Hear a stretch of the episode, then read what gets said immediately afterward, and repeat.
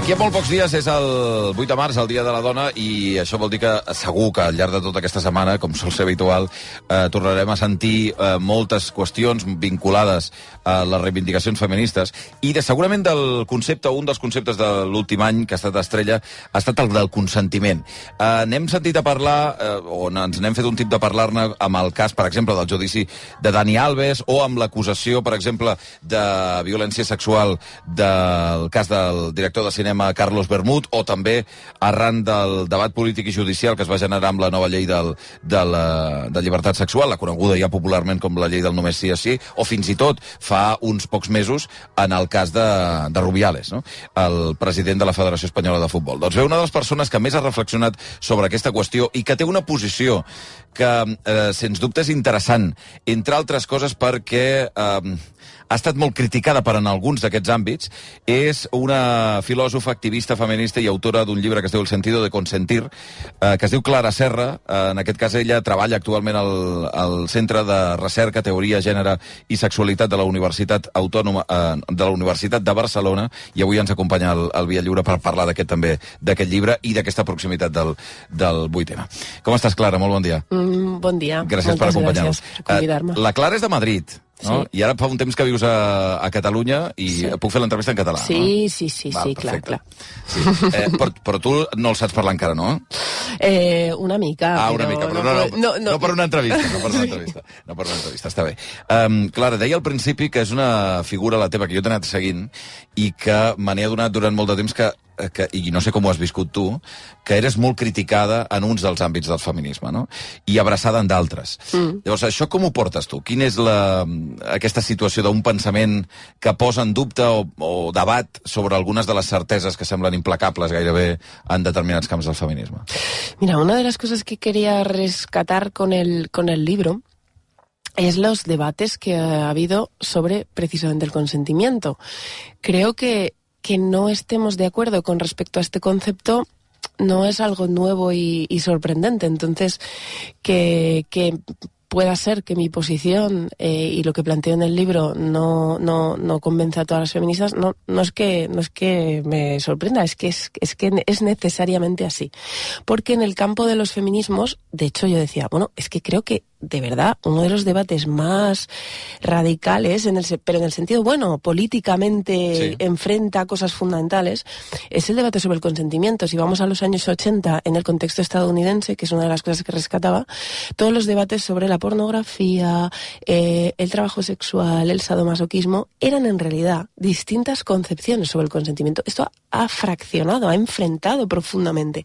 Y además quería reivindicar que ese debate es valioso para la izquierda en general. O sea, la reflexión feminista sobre el consentimiento es tan profunda, es tan intensa, que creo que la izquierda en general tiene que implicarse, tiene que leerla, ¿no? Entonces yo creo que olvidar esos debates no nos predispone mejor a entender este, este debate actual que tenemos en la, en la sociedad nuestra hoy. Pero esos debates efectivamente plantean diferencias, diferencias de posiciones. El, des del teu punt de vista, d'una forma general, en molts àmbits eh, feministes eh, i fins i tot polítics, d'una formació de la qual tu has participat, no? com és Podem, um, no, no s'han produït o s'ha simplificat el fet del consentiment per dir el consentiment és això, és el solo si és sí. Mm. Només pot ser això i qualsevol altra concepció del consentiment eh, la bandegem i fins i tot eh, la humiliem d'alguna manera. No, No, total. Bueno, primero diría que aquí la mm, responsabilidad, eh, creo que este debate ha estado secuestrado, ha estado simplificado, ha estado muy ter- y también muy tergiversado y yo creo que lo principal ha sido una derecha y una extrema derecha haciendo una crítica, por ejemplo, ¿no? a la propuesta legislativa del gobierno totalmente, mm, totalmente falseada, ¿no? Eh, con todo este discurso del terror sexual de los violadores a la calle y tal, y un contexto también de elecciones generales, de lucha entre partidos. Bueno, todo esto ha intoxicado mucho un debate. Entonces también el libro era, bueno, pasado este momento, debatamos con más calma esta situación. Una cosa que no vam fer abans. Que no hemos hecho, que no hemos hecho. Entonces, yo creo que, que, que nos hemos expuesto a una situación como de muchísima virulencia donde no se puede debatir. Ahora bien, yo creo que eso no ha de ser la razón para que luego, en el contexto de las izquierdas y del feminismo, no debatamos con toda la complejidad que tiene. Entonces, nosotros no podemos simplificarlo, ¿no? Y entonces, yo lo primero que quería decir es que no es un debate simple, es que no es nada simple, es que es complejísimo, es que el concepto de consentimiento es muy, muy, muy difícil, ¿no? Mm. Y no creo que lo vayamos a pensar mejor por, por ahorrarnos las dificultades, ¿no? Entonces, lo primero es, es que no se está debatiendo aquí con la cuestión del solo sí es sí, que por cierto no es una cuestión de nuestro contexto, no es una cuestión de esta ley, no es una cuestión de este gobierno, no es una cuestión de ni del PSOE ni de Podemos, es una cuestión mundial, es un debate mundial, es una perspectiva que viene de Estados Unidos, que ha aterrizado en el ámbito en el ámbito anglosajón es una perspectiva jurídica, una doctrina jurídica del consentimiento positivo que, que, desborda por completo nuestro contexto. Es una particular manera de entender el consentimiento, no la única posible. Esto es lo primero que tenemos que entender. No estamos aquí debatiendo si pasamos de una ley sin el consentimiento a otro, sino de si incorporamos una doctrina jurídica particular que se llama la del consentimiento positivo. Hay otras posibles. Entonces, esto para empezar, ¿no? ¿Queremos esa doctrina jurídica? No. Y miremos a los contextos donde ha sido implantada hace ya décadas, Estados Unidos, i quals són els debates que s'està abriendo ahí, no? Clar, des d'aquest punt de vista, tu el que no vas veure clar, per exemple, és passar d'una doctrina, diguem-ne, de no és no, mm. no? És a dir, si hem de mantenir una relació i jo et dic no, mm, aquí s'acaba, el només sí és sí. Sí. És a dir, que davant de la, del no dir res, s'ha de llegir com un no. Uh -huh. no? Aquí és el, el que tu tens dubtes eh, molt raonables i critiques, d'alguna manera, ¿no? Sí, y no en el sentido en el que eh, lo pensaríamos a partir de los casos mm, mediáticos que tenemos, porque un Dani Alves, la manada, ¿no? Exacto, exacto. O sea, yo, yo, el problema, yo creo que es que hemos pensado todo a partir, por eso yo creo que es delicado y peligroso que el debate sobre la sexualidad en general y las reglas de comportamiento sexual entre los hombres y las mujeres o entre las personas los tengamos a partir de casos particulares que, en mi opinión, sesgan un poco la mirada. Es un caso particular y probablemente muy extremo, ¿no? Entonces, en, en el contexto del caso de Dani Alves o en el contexto de la manada, hablamos de una agresión sexual, eh, en el caso de, por cierto, de Dani Alves, mucho más nítida en términos jurídicos. Con los hechos probados del caso de Dani Alves es, una, es una situación muy nítida, muy nítida, quiero decir, para este Código Penal y para el anterior. Es decir, se llega incluso a hablar de que la chica dice que no, de que hay violencia. O sea, es nitidísimo, es una agresión sexual. Esto es, es evidente así, ¿no? Entonces, esta no es la discusión, ¿no? Entonces, yo creo que el derecho tiene que identificar situaciones de coacción, de amenaza, o sea, cuando un tipo no te deja salir del baño, están vulneradas las condiciones de posibilidad de que se exprese libremente el consentimiento, ¿no? Y un tribunal tiene que decir, en ese contexto, evidentemente, no se ha de decir a una víctima no, no se le ha de exponer a la situación, a la responsabilidad de decir que no. ¿Por qué? Porque ya no se puede decir que no. Yo lo que digo es, por cierto, tampoco se puede decir que sí con libertad en ese contexto. Es decir, no se puede fetichizar el sí. Esto no es una cuestión de, de la palabra que la mujer emplee, que por cierto carga a la mujer la responsabilidad de esa cuestión. Me preocupa mucho... És bona aquesta, perdona, eh, t'aturo aquí. Eh, el fet de que la dona hagi de dir no o sí li posa una, des del teu punt de vista una responsabilitat afegida. Desde mi punto de vista, en una situación como el caso de Dani Alves, lo que tiene que hacer el derecho es decir, no es lo que ella diga, es si él es responsable de haber, de haber vulnerado las condiciones de posibilidad de que ella se exprese libremente. Así que ya no vamos a mirar a ella, vamos a mirar a la situación. En esa situación, por cierto, esto lo decía el Tribunal de la Manada en, el, en, el último, en, el, en la última sentencia, en ese contexto particular no era posible decir que no. Y el no no puede interpretarse como una aceptación. ¿no?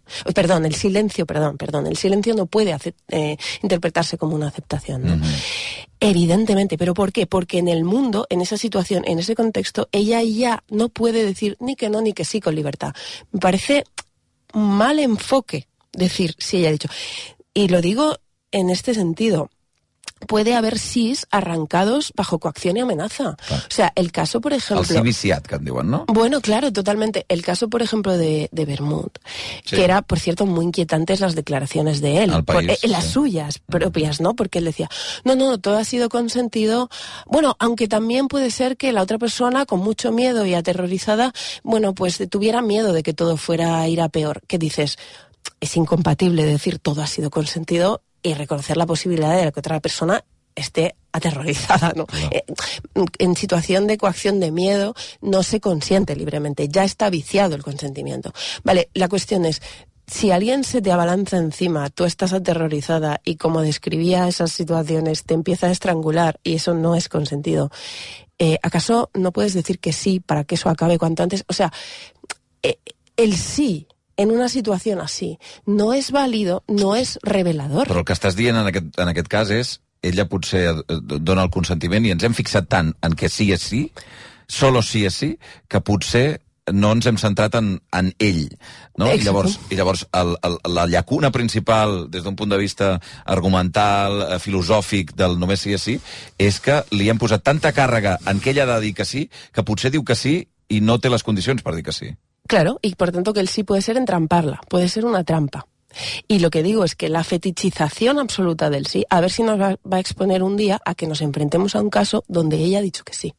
Espero que si hay una situación coactiva, de miedo, de desigualdad, el tribunal la exima de haber dicho que sí, porque si no la, la, meteríamos a la mujer en una trampa. Entonces lo que están planteando algunas feministas, eh, por ejemplo, Catherine Angel ha escrito un libro maravilloso que se llama El buen sexo mañana, que lo recomiendo muchísimo, dice, oye, pero cuando no se puede decir que sí, ¿Por qué razones? Es, perdón, cuando no se puede decir que no, ¿por qué razones ese sí sea li, sería libre? Ese sí puede meternos en la trampa mortal a las mujeres. Entonces, claro. obligarnos a decir que sí en un contexto donde estamos reconociendo precisamente la situación coactiva y de amenaza, eh, esto no puede ser así, ¿no? Entonces, yo creo que en el caso de Alves o en el caso de Bermud, ese sí no aclara nada, ese sí no, no resuelve nada. Entonces, claro, yo digo, en esta situación la cuestión es que no, ni se puede decir que no, ni se puede decir que, que, sí. Y el tribunal ha de reconocer ahí un consentimiento invalidado. Y por tanto ya da igual el no o el sí. Lo que creo es que eso tiene que ser el punto al que llega el derecho en situaciones particulares, excepcionales, digamos. Lo que no creo, esta es la otra cosa que quiero decir, es que se pueda extender eso como condición general de la situación donde todos los hombres y las mujeres tenemos sexo.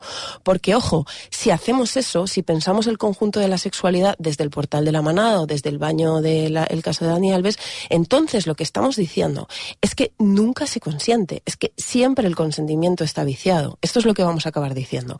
Yo lo que quería quería plantear en el libro es... ¿Por qué siempre está viciat? No, si, si llegamos a decir nunca se puede decir que no, Claro. y lo pensamos desde el marco del portal de la manada de coacción, ya. entonces, vale, entonces hagámonos cargo de que lo que estamos diciendo en nombre del consentimiento es que nunca puede haber consentimiento libre. Mm. Entonces, lo que vamos a llegar, y yo creo que entonces la posición coherente sería decir, nunca se puede decir que no y nuestros síes nunca son libres. Yo lo que quiero es como que te vangamos un debate coherente y, decir, oye, cuando no se puede decir que no, el sí no es libre. Eh, Genevieve tiene un, una feminista francesa una explicación maravillosa que dice, las mujeres dijeron durante siglos sí quiero, por cierto, un sí muy explícito, muy positivo, muy en las bodas, y creo que las feministas no podemos considerar que ese sí era libre. ¿Cuándo ese sí fue libre? Cuando conquistamos el derecho al divorcio. Es decir, cuando se puede decir que no. Quan hi ha una porta oberta... Clar, és que el, solo se puede decir sí libremente y el derecho solo puede validar la legitimidad de ese sí cuando es posible decir que no, cuando podrías no decir sí, cuando podrías invalidarlo acto seguido. Eh, el sí de una boda es una trampa mortal y un sí esclavo hasta que no se puede decir que no. Entonces, el sí y el no van de la mano y básicamente van de la mano en el sentido en el que en el mundo tiene que haber condiciones de posibilidad de la expresión libre del sí y el no. Cuando no se puede decir que no, entonces tampoco que sí. Entonces el consentimiento no es posible. El derecho tiene que reconocer que en el caso de la manada o en el caso de Dani Alves, eso es lo que está ocurriendo. Y por tanto, no poner en ella la carga, ponerla en él. Oye, tú, tipo, has imposibilitado la libertad sexual de esta mujer. Claro. ¿Vale? Ahora, entonces yo pregunto, vale, entonces entonces, ¿por qué queremos abandonar un marco del no es no? Ya. Que, por cierto, la siguiente cuestión es, no en el caso del portal de la manada, no en el caso de Dani Alves, ¿qué nos decía ese lema? Ese lema hablaba de un horizonte político. Ese lema lo que decía es, más allá de los contextos de intimidación y amenaza, donde el derecho tiene que decir, mira, aquí no se puede decir que no, ¿vale? Y es un caso clarísimo de agresión sexual.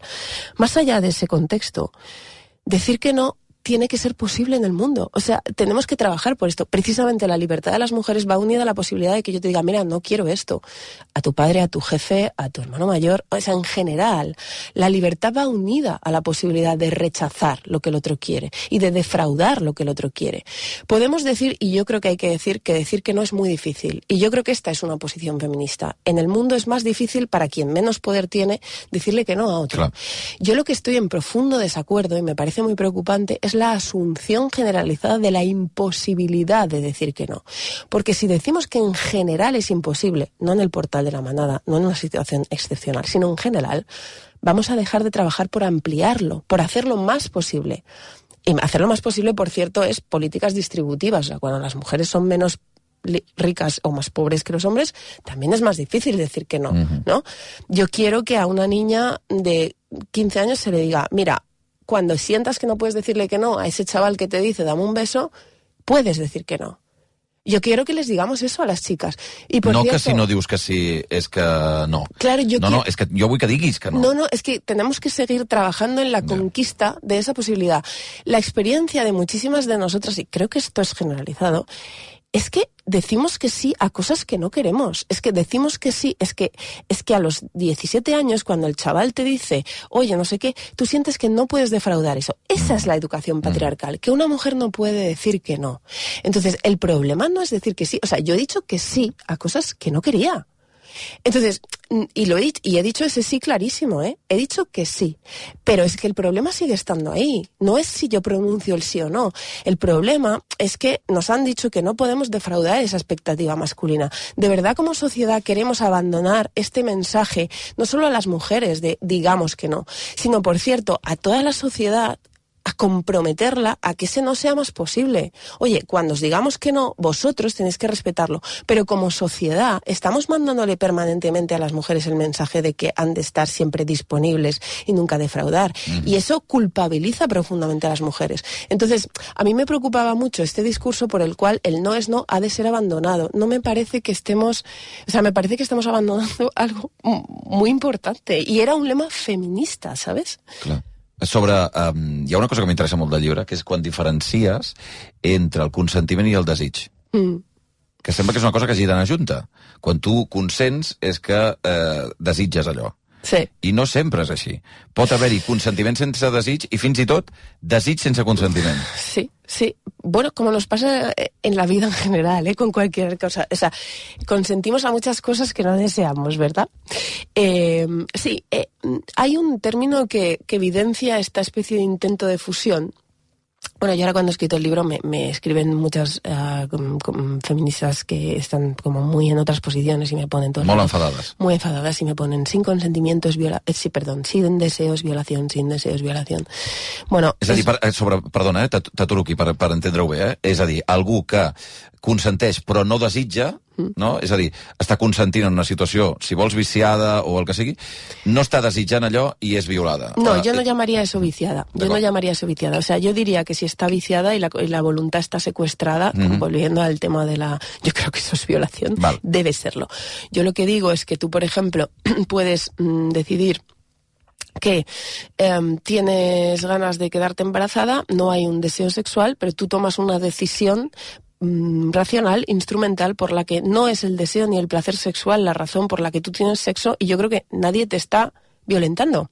Sigue siendo el sujeto el que deci- decide. Pero es que un sujeto decide por muchas razones, aparte del deseo. O sea, el querer es una cosa muy compleja. Entonces, hay deseo, hay voluntad, hay muchas instancias. Bueno, esto el, el psicoanálisis lo ha problematizado. Por eso ha dicho, bueno, hay un ello, hay un yo, hay un superior. Bueno, ¿cuántas cosas influyen ahí? Bueno, yo quería traer un poco esa complejidad y decir, creo que algunas veces decidimos cosas no con un deseo tremendo de hacerlas, pero las decidimos y sigue siendo el sujeto quien elige. Claro, como comprenderás, esta cuestión en el trabajo sexual emerge profundamente, porque hay quien dice, la trabajadora sexual, al no desear, digamos, en un sentido, ¿no?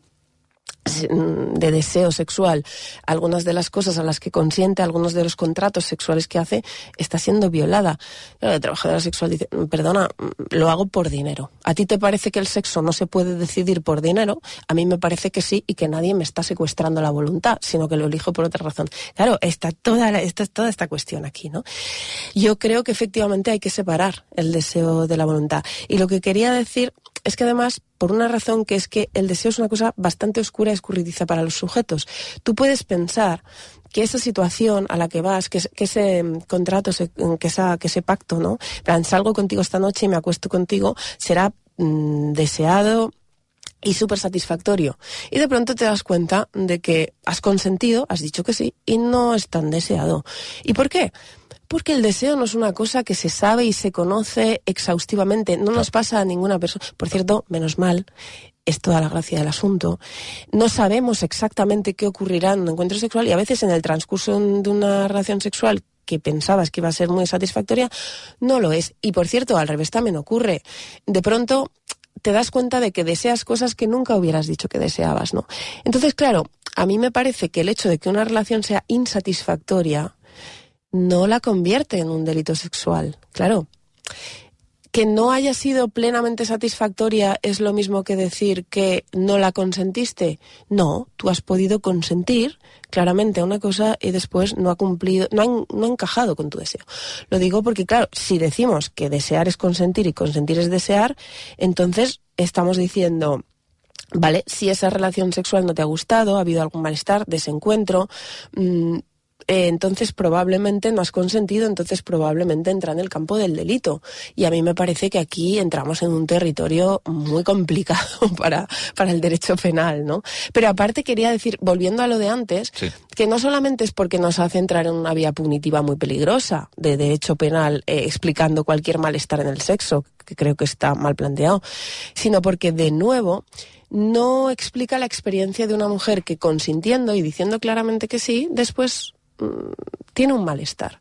Y le está diciendo, no, si tú has dicho que sí, te ha tenido que gustar muchísimo, porque si has consentido, era deseado por ti. No, no comprende, no, no nombra una experiencia femenina que nos ocurre todo el rato. No, las mujeres consentimos y al mismo tiempo existen malestares de los que tenemos que hablar. Por cierto, porque muchos de ellos sí que tienen que ver con cuestiones machistas, aunque no sean delitos, porque el tipo que es un imbécil y que es un egoísta, también te puede generar un malestar. Pero eso no quiere decir que sea un delito ni un agresor sexual, que sea un agresor sexual. Pero si no abrimos esa conversación ética al margen de la penal, no le estamos, no estamos validando, visibilitzando experiencias femeninas súper habituales. T'he sentit dir alguna vegada, i això crec que està lligat amb el que estaves dient ara, que eh, en una era on hem eliminat la romantització, és a dir, el romans, no? la, la relació romàntica, hem romantitzat el sexe. Sí. Totalmente. Bueno, és a dir, que el sexe només pot ser una cosa romàntica, perquè si és bruta, violenta, exagerada, de cop no és, no pot ser. Sí. Eh, es, es, una agresión, sigui de la forma que sigui. Sí, o sea, yo creo que esto de, de, de, de que cada vez que consientes deseas y cada vez que deseas consientes, mm.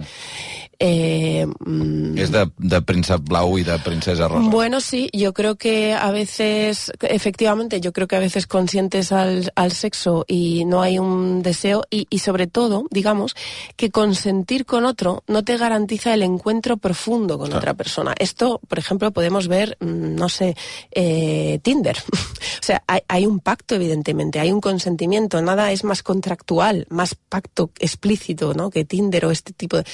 Eso te garantiza un encuentro profundo, íntimo con la otra persona? No, no. Y muchas veces es profundamente insatisfactorio. Entonces, Però és utilitzar l'altra persona. Sí, en un sentido... Pero, pero no té per qué ser... Eh, bueno, nos, que nos utilizamos un... mutuamente, sí. Claro. claro. yo ponía el ejemplo de, estamos diciendo con esta cosa también de, el consentimiento tiene que ser escuchar el deseo del otro, tiene que ser súper comunicativo, tiene que ser... Estamos estamos yo creo que haciendo una propuesta que a, a, mi juicio debe ser una conversación moral o ética sobre lo que es escuchar el deseo del otro, que me parece como conversación muy necesaria, pero que me parece peligrosa cuando está en el marco de lo penal, ¿vale? Entonces estamos diciendo, el sexo legítimo es ese en el que te comunicas mucho con el otro, yo creo, yo en mi caso, que con una pareja, yo espero que mi pareja se preocupe profundamente por mi deseo y yo por el suyo. Yo ubicaría una relación amorosa esa en la que sí, te importa profundamente el deseo del otro. Ahora bien, eh, en el sexo, en el cruising, en el sexo, por ejemplo, gay, donde te encuentras con un desconocido en la calle o en un baño, no te importa ni cómo se llama el otro. Y por cierto... Y eso no es ilegal ni es una... Bueno, no debería serlo, no, debería ser. Muy comunicativo, la verdad es que no me parece que sea. Y por cierto, las mujeres tienen que tener también derecho a un sexo, digámoslo así, es un poco instrumental, donde usas un poco al otro que también quiere ser usado y también te usa y te usas mutuamente. Que una señora vaya al baño de un restaurante y tenga sexo esporádico con un desconocido que, que después no saben ni cómo se llaman, eh, no sé, a lo mejor hay que tener un debate ético sobre eso, pero ojo cuidado con decir que si no es profundamente comunicativo y que si no sabes cuál es el deseo profundo del otro, entramos en el campo de la agresión sexual, porque entonces criminalizaremos esas formas de sexualidad. Y yo creo que las mujeres, entre otras cosas, tienen que conquistar el derecho a ese tipo de sexo, que me parece muy instrumental. Entonces, ahí es donde creo que estamos buscando una especie de deseo romántico. Eh, cuando decimos em, ciertas cosas, ahí no hay un deseo romántico, ahí hay un sexo esporádico instrumental. Eh, creo que tiene que ser posible y mucho cuidado con acercar el derecho penal a la delimitación de eso, porque es muy peligroso. Después, efectivamente, yo creo que con una pareja sexual, que a la otra, que ser tratado de forma instrumental por una pareja sexual te puede hacer mucho daño. Te puede hacer mucho daño. Eh, te puedes sentir eh, traicionado, te puedes sentir mm, ninguneado, te puedes sentir instrumentalizado. ¿Produce eso daño en el marco de una relación? Muchísimo, muchísimo. Y creo que cuando decimos que todo daño en el terreno del sexo se equivale a un delito, es mentira hay traiciones en el terreno de la amistad que son profundamente dolorosas y hay traiciones en el terreno del sexo y del amor que son profundamente dolorosas, aunque no lo valide un tribunal judicial. Y si no abrimos esta distinción entre lo penal y lo ético, de nuevo, silenciamos ese malestar del que tendremos que hablar. Pero, ojo, no en el campo penal, creo. ¿Qué te va a? Bueno, veremos lo que pasa judicialmente. Primero de todo, yo también en estas cosas quiero, eh, siempre lo digo, ¿no? Pero como sociedad estamos todo el rato teniendo esta conversación que yo en el libro quería salirme de eso a partir de casos judiciales, ¿no? Donde, hay personas con nombres y apellidos, ¿no? Y creemos que cuando hay un caso así le juzgamos a él, ¿no? Pero en realidad la juzgamos a ella. O sea, les juzgamos a los dos. Y todos nos ponemos a decir que nos parece él, que nos parece ella. La más expuesta siempre en realidad es la víctima, donde todo el mundo opina si eso... Entonces yo me si siento... va a dir després i va a riure perquè sí. una foto. Y a mí, yo me siento súper incómoda con que esta conversación esté permanentemente eh, siendo tenida a partir de una un, un, juicio a quienes a los protagonistas de una historia, mm, ¿no? Mm. Entonces jo... Val, ho, ho, ho reviso d'una altra manera, d'acord? Eh, no el cas Rubiales, sinó cas Rubiales eh, desperta una sèrie de coses sí. eh, que crec que ho hem vist en algunes enquestes que s'han produït tant a Catalunya com a Espanya, que és que diuen eh, hi ha un grup de població molt jove que diu que el feminisme ha anat massa enllà. Val? Mm -hmm. um, i que potser en situacions com el cas Rubiales consideren que hi ha hagut un accés, bla, bla, bla. Tu com llegeixes? Què està passant amb aquest grup de població molt jove, insisteixo, que considera que s'està mm, excedint la, el feminisme? Yo es que creo que el feminismo no ha ido más muy, muy allá. Yo creo, o sea, yo creo que la, la, la probablemente esa era la, la pregunta de la encuesta, ¿no? Mm -hmm. Yo y yo creo que siempre que haces una encuesta determinas mucho la, la, respuesta con cómo haces la pregunta. Totalmente. Pero la pregunta está mal planteada, porque para mí la pregunta es, ¿en qué dirección? O sea, ir más allá o más acá, ¿en qué dirección? Entonces, yo creo que el feminismo ha avanzado muchísimo en estos años y ha cambiado profundamente nuestra sociedad. Por cierto, antes hablábamos del caso de Alves, ¿no? Pero esta parte de la sentencia de Alves donde dice esta cosa de no porque una mujer se tome una copa, entra en el baño, que me parece súper bien, súper buena noticia. Totalmente. Eh, y por cierto, que yo no ligaría necesariamente al solo si es sí, sino que me parece que el no es no. También explica eso, en plan de, uh -huh. no, siempre puedes decir que no y siempre puedes interrumpir y no hay un cheque en blanco, ¿no? Me parece fruto de una conversación. O sea, que eso esté en una sentencia es fruto de que la sociedad ha cambiado. Llevamos muchos años hablando de feminismo, de violencia sexual, de consentimiento, y evidentemente, eh, mmm, qué bien que ha ido tan, o sea, qué bien que el feminismo ha ido en esa dirección como para que eso ocurra, ¿no?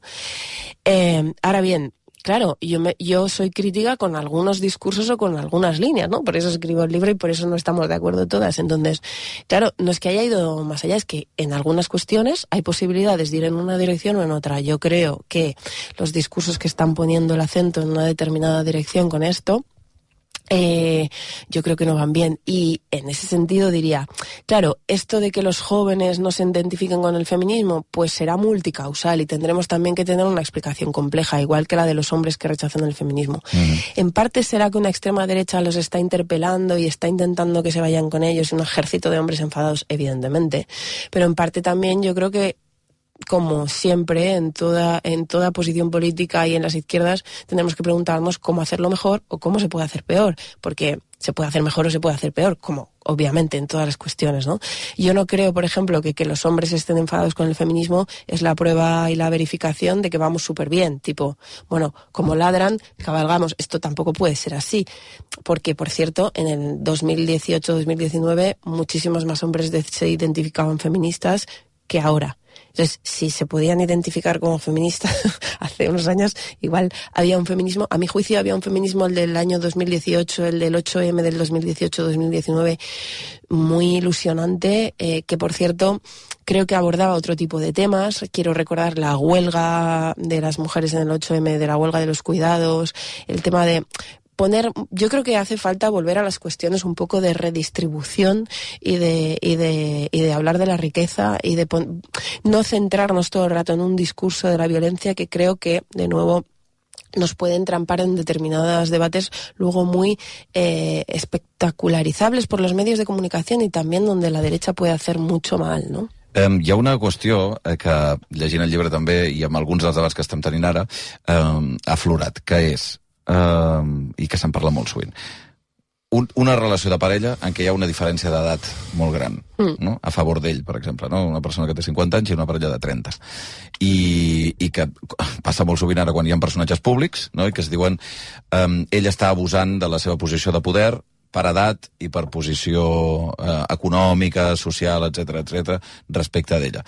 A, a tu t'incomoda quan es diu de forma habitual que el fet de que ser més gran, 10, 15 o 20 anys més gran que un altre, eh, impedeix a l'altre donar un consentiment a aquella relació oberta, tranquil·la. Por, por supuesto, o sea, a mí me parece que en el marco de una discusión sobre el consentimiento que es penal, quiero recordar que estamos decidiendo leyes penales, modificaciones del Código Penal, leyes, ¿vale?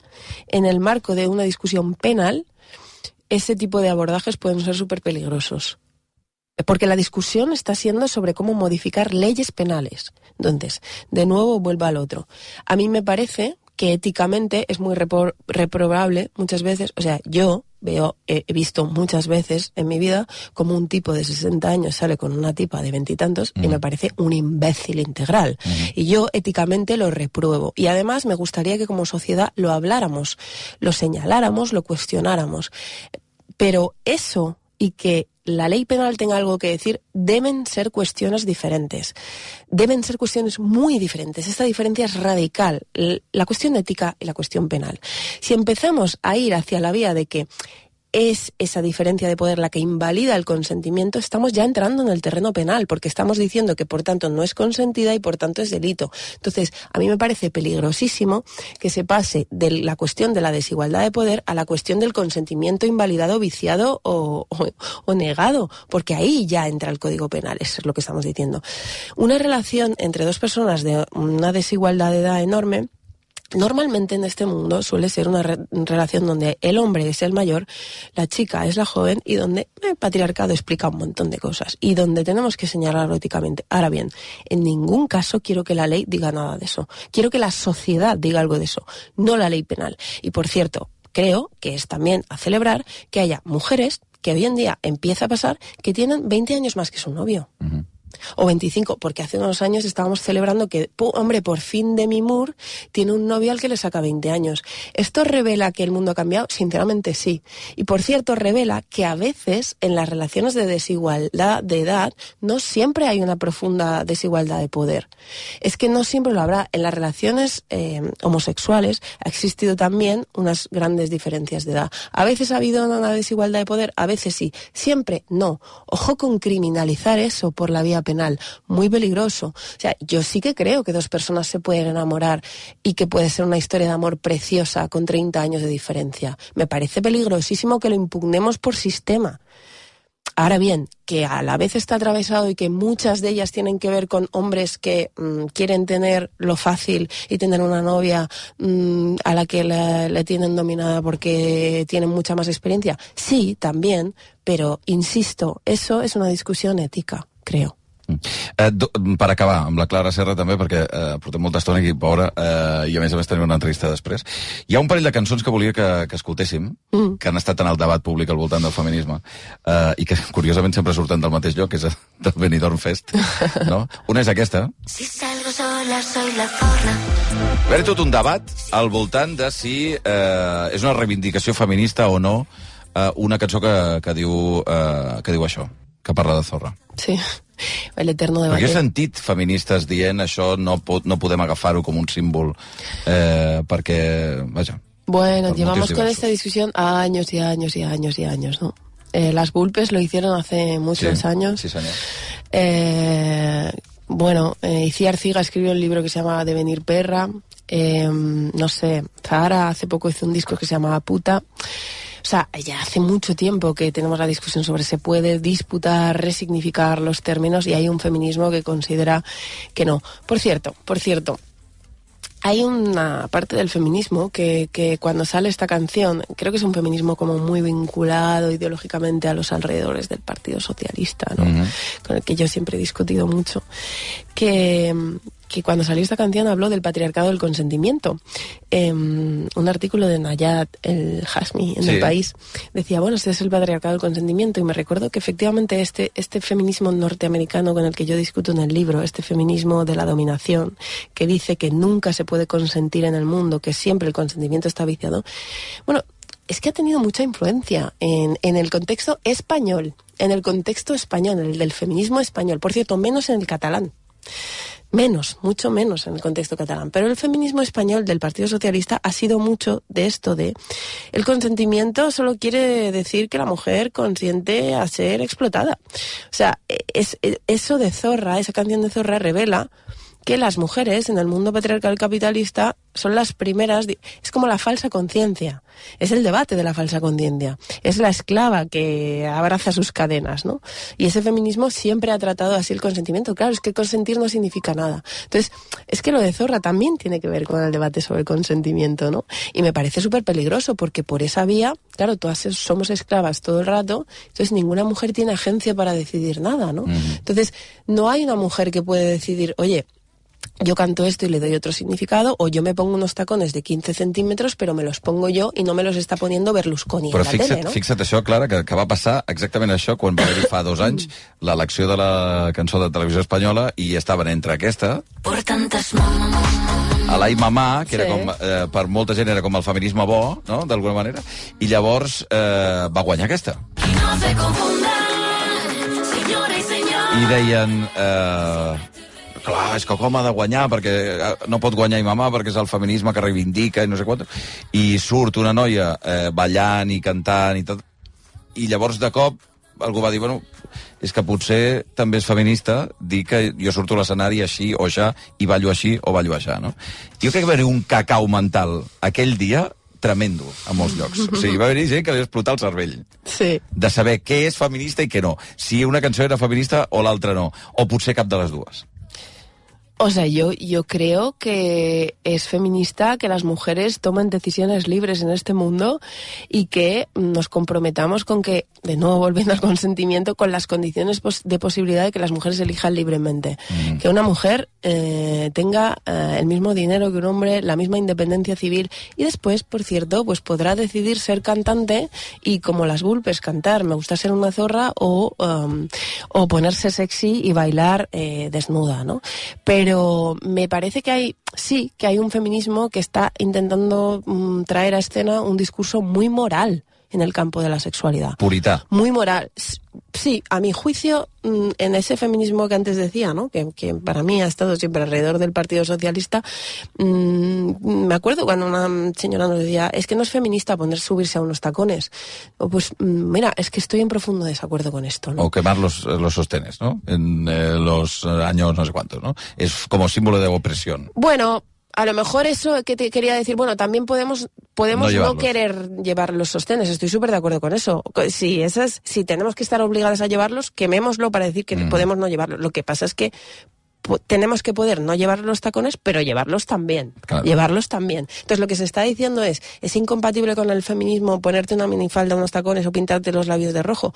Hombre, por favor, no. Entonces yo creo, sí, creo que ese feminismo incorpora una mirada donde el sexo siempre tiene algo de malo, la, la, la, la, posición de la mujer como, como alguien que es sexualmente activa tiene algo de malo y a mi juicio ahí está abriendo la puerta a que se cuele lo que siempre ha estado en contra de las mujeres, que es el discurso puritano de la mujer tiene que desear bien, tiene que desear correctamente, tiene que, tiene que ponerse unos tacones, pero bueno, porque claro, estas feministas también se ponen tacones, pero de 4 centímetros sí, de 15 ya no es feminista perdón, yo creo que hemos venido a romper ciertas normatividades, obligatoriedades, entonces yo estoy profundamente en desacuerdo con ese feminismo y creo que en el debate sobre el consentimiento aflora esa tendencia, la verdad, una cierta manera de buscar un deseo bueno y bonito de las mujeres y nos molesta y por cierto, creo que en el debate trans, esto está también por aquí, molesta mucho una feminidad excesiva, una feminidad desbordante. La encarnen las mujeres, eh, la encarnen las mujeres trans o la encarnen los, algunos hombres gays.